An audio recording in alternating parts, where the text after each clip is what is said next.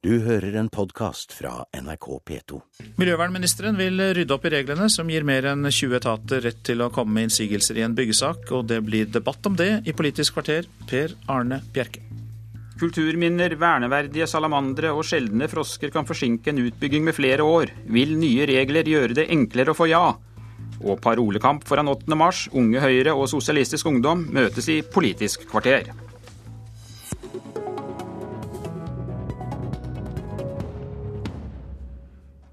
«22 ulike instanser kan i dag forsinke eller stanse planlagte veier og boligprosjekter.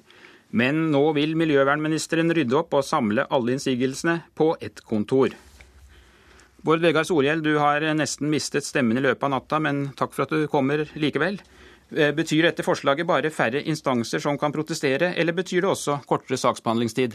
Jeg satser på akkurat nok stemme til å gjennomføre Politisk kvarter, i hvert fall. Du, Jeg tror at vi kan få en enklere og raskere saksbehandling med det her. I dag så er det flere og 20 instanser som kan komme med innsigelser. Ofte kan det være viktig og velbegrunna hensyn som kommer fram. Men eh, de, eh, for en kommune så kan det være frustrerende at det, ulike statlige instanser kan komme med helt ulike syn. Nå må alt det samordnes fra staten, og så må man levere en, ett syn, en innsigelse til kommunen. Da blir det ryddigere for dem, og jeg tror det kan gå raskere å avklare problemene òg. Nestleder i Stortingets eh, kommunalkomité, Gjermund eh, Hagesæter fra Fremskrittspartiet. Du har vært veldig opptatt av dette og tok også saken opp i Stortinget for en måneds tid siden. Og du er blant dem som har protestert høylytt mot innsigelsesretten. Tror du miljøvernministerens forslag vil føre til en forbedring? Nei, altså Det er jeg veldig i tvil om. Jeg syns det er positivt at eh, regjeringen etter sju og et halvt år i posisjon eh, har da tilsynelatende innsett at innsigelser det er et problem, og at man er nødt til å gjøre noe. Men jeg tror nok det at den medisinen man skriver ut, den er feil. Eh, her skal man altså ikke redusere antall innsigelser, men man skal samordne dette. Det er for så vidt, kanskje Hvis jeg skal liksom ha de positive brillene på meg, så ser jeg det at dette kan være et, et lite skritt i riktig retning, men det er langt ifra nok. Det som er er utfordringen det er at vi må få ned antall innsigelser. Vi må få ned spesielt de skjønnsmessige innsigelsene. Eh, og Det vil da medføre at man får fart på både boligbygging, og det får også lettere til veibygging rundt omkring i landet. Solhjell. Altså bare, først, et, vi skal gjøre et forsøk nå i noen fylker, og så skal vi så raskt som mulig ta endelig stilling til det. Og jeg er ganske sikker på at det vil òg få ned antallet innsigelser. Men jeg tror det vil være dumt å fjerne retten til å komme med innsigelse til viktige samfunnshensyn. La meg ta et eksempel. NVE de har ansvar for kraftforsyning. Eh, forsyningssikkerhet. De har ikke så mange innsigelser, men når de har det, så kan det være et viktig samfunnshensyn som kommer fram. Og Det samme gjelder jo naturhensyn, kollektivtrafikk, mm. eh, eh, samferdselshensyn, kulturminner og andre. Det er viktig at det kommer fram, men vi må gjøre det så raskt som mulig, og så samordna. Og så et viktig poeng. 99% av alle saker med reguleringsplaner løses lokalt. 99% løses lokalt. Så problemet er ikke at altså Man evner å finne løsninger, men vi bruker litt for lang tid. Og det er litt for ofte sånn at det er forskjellige eh, syn fra staten sine ulike instanser istedenfor at det er samordna. Det kan det her gjøre noe med. Innsigelsen skal altså samles på ett kontor under Fylkesmannen, som du sier. Men nå er det jo nettopp Fylkesmannens miljøvernavdeling bl.a. som fører til forsinkelser. Her i Politisk kvarter så har vi tidligere fortalt om hvordan en spissnutet frosk og en verneverdig sopp stoppet en vei i Fett kommune på Romerike. Og varaordfører Jon Røyne fra Senterpartiet han var både irritert og oppgitt. Vi har mye fin natur og mye spesiell natur. Vi skal selvfølgelig ta vare på eh, det, men det må gå noen grenser eh, der hvor eh, så viktige interesser kolliderer med en sopp. Der må samfunnsinteressene få komme i forsetet. Ja, Til slutt så ble jo innsigelsen mot veien i Fett trukket, men da var utbyggingen blitt forsinket med over ett år. Miljøvernminister Solhjell, hvis det da skulle dukke opp en verneverdig salamander eller en sommerfugl, som vi også har hørt om, på et planlagt boligfelt, så har vel myndighetene fortsatt anledning til å stoppe planene, eller har de ikke det? Altså, det, første, det, det, er ikke noe problem at sommerfugler stopper boligbygging i Norge. altså. Tidligere har Høyre hevda at hubro stopper boligbygging. Jeg sjekka. Uh, ugla hubro har ikke stoppa én bolig i Norge i, i strøk det siste året. Men det er klart at en rekke eh, enkelthensyn, naturhensyn og veldig mange andre, andre er der. Jeg er ikke blant de som tror at vi skal bare si at nei, skal, nå, nå skiter vi i å ta hensyn. Jeg tror på at motforestillinger må komme fram, men de må komme raskt fram. Og det kan ikke være sånn at de ulike synene kommer til en kommune som litt frustrert må sitte og se at staten har liksom med ulike hoder og ulike syn. Derfor så må vi få fram motforestillingene. I 99% av sakene løses de, men det må komme samordna. Hagesæter, mener du egentlig at hele innsigelsesretten bør fjernes, eller iallfall ta vekk store deler av det? Ja da, det mener jeg. Eh, og det ser vi jo det at eh, det er altså Det som vi får tilbakemeldinger fra lokalpolitikerne, det er det at eh, hele lokaldemokratiet smuldrer vekk. altså Man har ikke sjølråderett i kommunene pga. at man får da innsigelser i hele tiden fra spesielt fylkesmannen. Og Det som er også interessant å se, det er at det er veldig stor forskjell fra fylke til fylke. Hvis vi sammenligner da Hordaland og Sogn og Fjordane i reguleringsplaner, så er det altså fire ganger så mye innsigelser i Hordaland som det er i Sogn og Fjordane. Eh, det er 7,5 eh, i, i Sogn og Fjordane, mens det er nesten 30 eh, i, i Hordaland. Og Da er det jo altså slik at Lovverket er jo det samme i disse to fylkene, men altså her er det altså da åpenbart det at, at man praktiserer det på en annen måte i Hordaland enn man gjør i Sogn og Fjordane. Hvis ikke det er slik at eh, sogningene, eller de fra Sogn og Fjordane de er mer sindigere og lettere å ha med å gjøre, og sånt, og det er det ingenting som, som tyder på, sånn jeg kjenner til det. Så, så, her må man rett og slett få ned mulighetene til Fylkesmannen å komme med innsigelse. Eh, og det ja. ser jeg ikke det at Nei, dette forslaget legger opp til i det hele tatt. Det er vel kanskje noe av det sentrale, Bård Vegar Solhjell. Vil du redusere mulighetene til å protestere? Vil det bli færre anledninger til å protestere? La meg først si at Det med forskjellene mellom fylkene det synes jeg Hagesæter er et viktig poeng. For de er mye større enn man kan forklare av gode grunner. Derfor går vi gjennom det nå fra regjeringas side, for å se om det kan ha noe med praksis og måten man gjør det på. Og en del fylker har klart mindre innsigelser. Så tror jeg ikke Fremskrittspartiet forstår sjøl nesten hva de foreslår hvis de skal fjerne muligheten til innsigelse. Betyr det at hvis forsyningssikkerhet for strøm er trua av et prosjekt, så skal ikke det komme fram?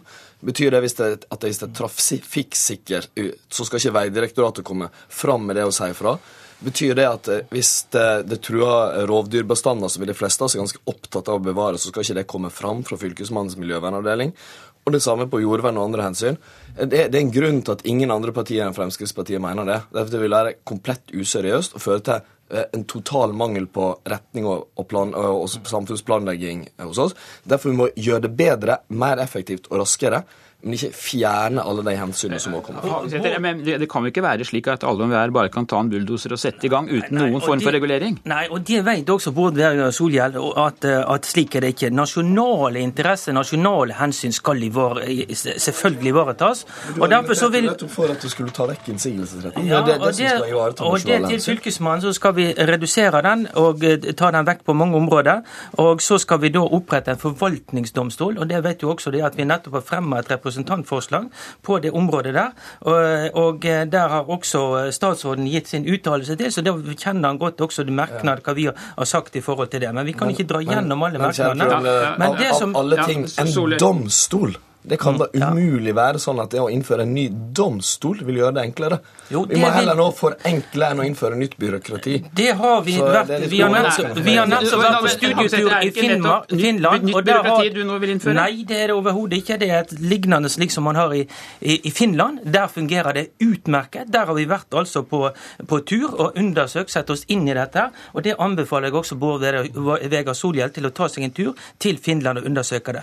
Og så må jeg også si at det blir litt forvirra fra statsråden. For det er altså ikke mer enn fire måneder siden han sendte et rundskriv til fylkesmennene der han ber om at fylkesmenn må øke antall innsigelser i reguleringssaker. Og nå skal man altså redusere det, men for et, for et fire måneder siden så skulle man øke Solhjell, 20 sekunder til slutt. Jeg sendte et brev der jeg sa at jeg skulle legge større vekt på hensyn til økt boligbygging samla sett, og til og med kunne la et eh, utbyggingsprosjekt stoppes hvis det ikke er nok boligbygging. Og det er altså, Jeg ville at jeg skulle legge mer vekt på boligbygging. Samla sett, vi skal effektivisere og gjøre ting bedre, men ikke innføre nytt byråkrati. Takk skal du ha, Bård Vegar Solhjell. Du får gå og ta deg en solbærtoddy. Og takk også til deg, Gjermund Hagesæter.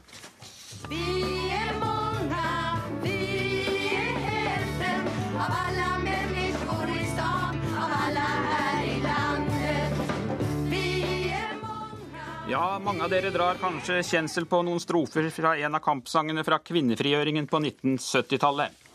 Nå er dagens demonstranter og aktivister i gang med å forberede 8. mars-markeringen om en drøy uke.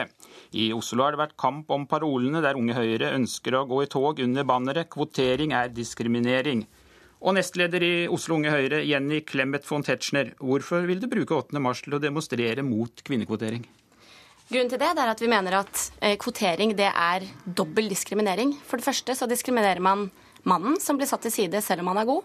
Og for det andre så diskriminerer man kvinnen fordi man indirekte sier at hun er et svakere kjønn enn mannen.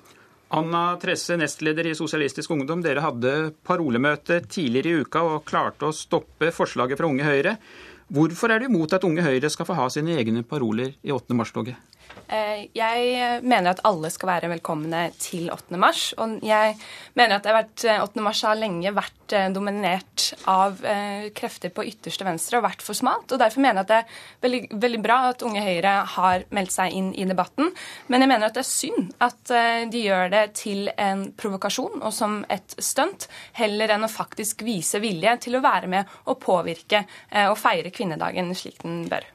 Ja, Jenny von Tetzschner, eh, dere har jo, Det er jo vært venstresiden som har hatt eierskapet. Hvorfor er det så viktig for Unge Høyre nå å også delta 8. mars? Det er fordi venstresidens feminisme det er ikke en feminisme som norske kvinner flest kan stille seg bak. For å ta et eksempel, da, så eh, tror jeg de aller fleste kvinnene i Oslo, når de går på gaten nedover eh, i Oslo sentrum, så er de mye mer opptatt av, eh, av å føle seg trygge, og de er opptatt av at det skal være mer politi i gatene enn f.eks. at det er retusjert reklame som henger på veggene. Eh, alle kan delta på lik linje, og det er jo et demokratisk forum hvor hver kvinne får en stemme. Sånn at Unge Høyre ble stemt ned, det var synd, men jeg skulle jo ønske at Unge Høyre hadde deltatt i hele prosessen, eh, for det første, og vært med på de forberedende møtene. Og for det andre så skulle jeg ønske at de hadde sendt inn litt mer eh, seriøse paroler. F.eks. rett til deltid, som de sendte inn. Det vitner om at Unge Høyre ikke har grep om de faktiske arbeidsforholdene til veldig mange kvinner rundt om i landet. Det er retten til til deltid er noe alle har, både frivillig og ufrivillig. Men, og det er retten til heltid som er noe av det viktigste vi kan gjøre for å gi de kvinnene som tar de tungste løftene i samfunnet, den økonomiske selvstendigheten og respekten de fortjener. Von Tetzschner, var det litt eh, provokasjon i de forslagene dere sendte inn? Ja, vi sendte inn eh, paroler som motstrider litt mot de tradisjonelle parolene som har vært med. Og grunnen til det er at vi har lyst til å vise at det er ikke alle kvinner som kan stille seg bak de parolene som har vært med tradisjonelt. Det er ikke alle kvinner som er sosialistiske, selv om de er feminister. Eh, så vi har lyst til at vi skal eh, heller se på likestilling og likeverd mellom kjønnene, istedenfor å bruke dagen til å fremme sosialistiske eh, budskap. og Det er derfor vi ønsker å vise vår motstand til de tradisjonelle parolene. Anna Therese, Er det ikke viktig å få en tverrpolitisk enighet her for å virkelig styrke kvinnenes stilling? For det er jo det denne dagen dreier seg om. Ja, jeg er helt enig, men da må også Unge Høyre vise en faktisk vilje til å være med, og ikke kun til å provosere. Det skal være et rom for masse mangfold i de parolene. F.eks. for så vet jeg at jeg og Jenny er enige om parolen 'Nei til surrogati'. Der står vi sammen, og det er det veldig mange andre kvinner som er med oss. Så det skal være eh, bredde og enighet, og det skal være en dag som er fylt med hyllest av fortida, men som også viser eh, at det fortsatt er mye som gjenstår i samfunnet. Nei, Jeg bare håper at eh, vi i fremtiden kan få paroler som ja, alle kan stille seg bak, som er universelle, men også et mangfold av paroler på begge sider. så Derfor så skulle jeg ønske at det, det, var mulig å stille opp med egne underparoler som strider mot de som er eh, vedtatt eh, som hovedparoler. Dere er eh, begge unge i begynnelsen av 20-årene. Eh, Hvor viktig er det for eh, unge kvinner å engasjere seg i 8. mars i dag, Tresse? Jeg synes det er kjempeviktig. Eh, jeg er glad våre formødre ikke ga seg når de fikk eh, stemmeretten, eller når de når vi vant retten til selvbestemt abort. Det er fortsatt mye som gjenstår, bl.a. Eh, deltidsproblematikken, eh, likelønn og omfanget av vold mot kvinner, eh, som er alarmerende høyt i Norge i dag. Og Derfor oppfordrer jeg alle unge jenter på tvers av de politiske skillelinjene til å stille opp i tog 8. mars. Jenny von du fikk ikke lov til å ta med parolene dine, men du har sagt at du vil gå i toget. Hvor viktig er 8. mars for deg? Jeg syns det er kjempeviktig å vise at det, det finnes eh, borgerlige feminister som, er, eh, som, står på kravene for eh, likeverd og, og likestilling. Men jeg syns også det er viktig å få frem at vi kan ikke stille oss bak alle de sosialistiske parolene som har vært i kvinnetoget år etter år etter år. Og nå er det på tide at vi viser at eh, det finnes kvinner som er imot det, og at eh, vi også får lov til å gå i toget med våre egne paroler. Og da ønsker jeg deg hjertelig velkommen til det forberedende arbeidet også til neste 8. mars eh, parolemøte, sånn at man kan få en konstruktiv debatt, og der dere faktisk fremmer paroler som handler om krav, og ikke om å provosere. Takk skal dere ha, og lykke til med feiringen om en uke. Og det var Politisk kvarter med Per Arne Bjerke. Du har hørt en podkast fra NRK P2.